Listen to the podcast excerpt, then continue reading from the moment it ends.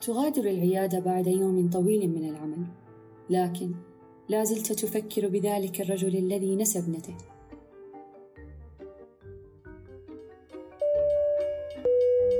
النداء الأخير لرحلة رقم ثلاثة والمتجهة بمشيئة الله إلى الذاكرة.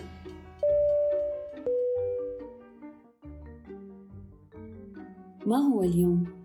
الذي تعود إليه بذاكرتك كلما أردت أن تتذكر يوما سعيدا؟ ما هي أغنيتك المفضلة التي تردد كلماتها مع الموسيقى كلما ترددت على المذياع؟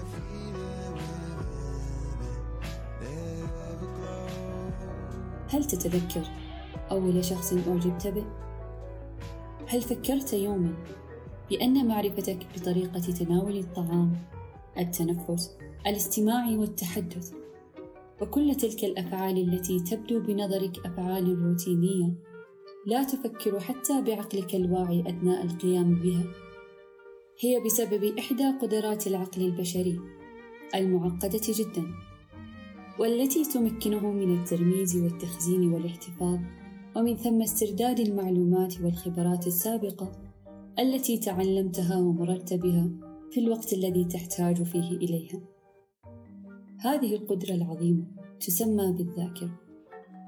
Good evening, ladies and gentlemen. فعندما تحضر فيلما مع صديقك We are tonight's entertainment. وتبدأون في مناقشة أحداثه أثناء خروجكم من السينما وتبدأون بسرد ما حدث في ذلك المشهد المثير للجدل مستعينا بالذاكرة قصيرة الأمد حيث تتم مناولات عصبية مشفرة في الدماغ ليتم خلق كل ما شاهدته وسمعته بحواسك خلال الفيلم. وبعدها لديك الخيار. ما إن تخزن هذا المشهد العظيم في ذاكرتك طويلة الأمد أم تتخلص منه إلى الأبد. كل ذلك يعتمد على أهميته لديك. تماما مثل أي شيء يمر بذاكرتك. تصل إلى منزلك بعد هذه الليلة الممتعة. تفتح باب السيارة. وتنزل منها ثم تغلقه تدخل المنزل لتضع مفاتيحك بالمكان المخصص لها. تفتح الثلاجة لتشرب ماء باردا. قبل الاستحمام بماء دافئ في هذا الجو البارد. كل ذلك تفعله بلا أدنى تفكير بسبب الذاكرة الضمنيه التي لديك. وهي عبارة عن شكل رئيسي من الذاكرة طويلة الأمد وتسمح لك أن تفعل الأشياء مباشرة عن ظهر قلب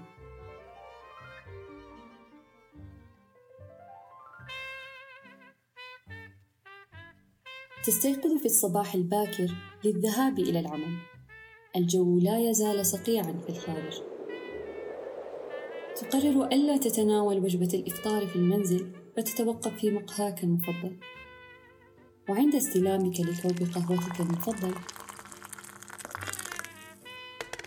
تتصادم برأسك ذكريات فترة دراستك الجامعية.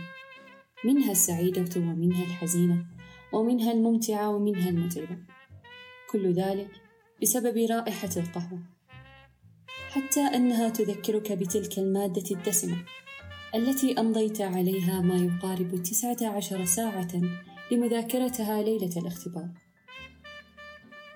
وكلما انتهى كوب قهوتك ذهبت مسرعا لتعبئته من جديد لتملئ جسدك المرهق بالمزيد من الكافيين آملا بأن تساعدك حتى لو قليلا لتكمل ما تبقى لك من المادة قبل موعد الاختبار.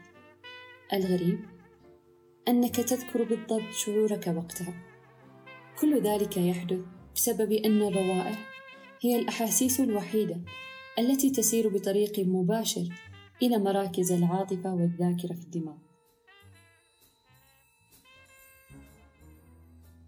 قال جون ماكين وهو أستاذ مشارك في قسم علم النفس من جامعة راتجرز في ولاية نيوجيرسي إن جميع الحواس الأخرى تسافر أولا إلى منطقة في الدماغ تسمى المهاد والتي تعمل مثل لوحة التبديل حيث تنقل المعلومات حول الأشياء التي نراها أو نسمعها أو نشعر بها إلى بقية الدماغ.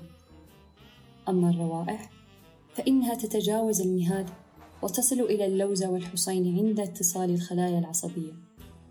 ينتج عن ذلك ترابط ودي وقوي جدا بين العواطف والذكريات بالروائح. هذا هو السبب أن الذكريات المحفزة بالروائح تعارض الحواس الأخرى التي تعتبر أكثر ممارسة للإثارة والعواطف. كما أضافت ريتشل هيرز المؤلفة لكتاب يدعى رغبة الروائح. جملة من الطبيعي أن تكون حقيقة مسلمة لبعضنا. وهي أن الرائحة المألوفة والمنسية منذ فترة طويلة يمكن أن تجعل الناس يبكون. تعيدك البوابة الزمنية إلى الحاضر بسبب صوت بوق السيارة التي خلفك. منبها لك أنك لم تتحرك من مكانك بعد على الرغم من استلامك لطلبك منذ أكثر من خمس دقائق. يعيدك ذلك أيضا إلى حقيقة أنك متأخرا بالفعل بعشرون دقيقة على عملك. تصل إلى عملك وترتدي معطفك الأبيض وتعقم يديك وتخبر الممرضة بلغة غير لغتك الأم. لكنك لا زلت تعرف معنى ما تقوله لها جيدا كل ذلك بفضل ذاكرتك الدلالية. وتطلب منها أن تنادي أول مريض لديك في عيادة اليوم حتى تقدم له العلاج المناسب. يعود إليك نفس المريض التسعيني مع ابنته التي تبلغ من العمر الثلاثون سنة. مرة أخرى لتعاين تطور مرض الزهايمر الذي أصاب به. تذكرك ذاكرتك العرضية الموعد الأول الذي أتاك فيه مع ابنته أيضا. وقمت بأخذ صور مقطعية لدماغه آملا ألا ترى رواسب روتين الأميلويد بيتا والذي يعتبر كعلامة على داء الزهايمر. لكن يا للأسف تخبرك ابنته في موعده الحاضر وهي تبكي. جملة واحدة تجعلك تشعر بعجز تام أمامها. أبي لم يعد يستطيع أن يتذكر من أنا. تقوم بلم ذاتك وتسرد لها كل ما تعرف من معلومات تعلمتها خلال دراستك وممارستك العملية وخزنتها في ذاكرتك كل ما قد يجعلها تصبر وترضى بقضاء الله. تغادر العيادة بعد يوم طويل من العمل لكن لا زلت تفكر بذلك الرجل الذي نسى ابنته. كيف يمكن لأكثر ما نعتمد عليه بحياتنا اليومية منذ الصغر وأتمناه على أسرارنا وتجاربنا وعلمنا أن يخوننا فجأة وينسينا حتى أعز الأشخاص إلينا. لكنك تعزي نفسك بفكرة أنه على الأقل ذاكرته لم تخنه بعد لينسى كيف يتنفس. كذلك تعتبر أنه رجل محظوظ بهذه الإبنة البارة.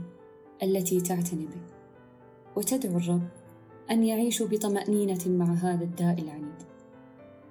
تقرر أن تقضي ما تبقى من تلك الليلة لتلعب فيها ألعاب العقل وتحل الألغاز وتأكل اللوز. تصحى اليوم التالي مبكرا قليلا عن المعتاد لتمارس التأمل قبل الذهاب إلى العمل. وعدت نفسك أن تفعل ذلك كل يوم لتحافظ على صحة ذاكرتك. وأن تحمد الله كل مرة تكون فيها قادرا على التنفس الأكل الفهم المشي والتذكر.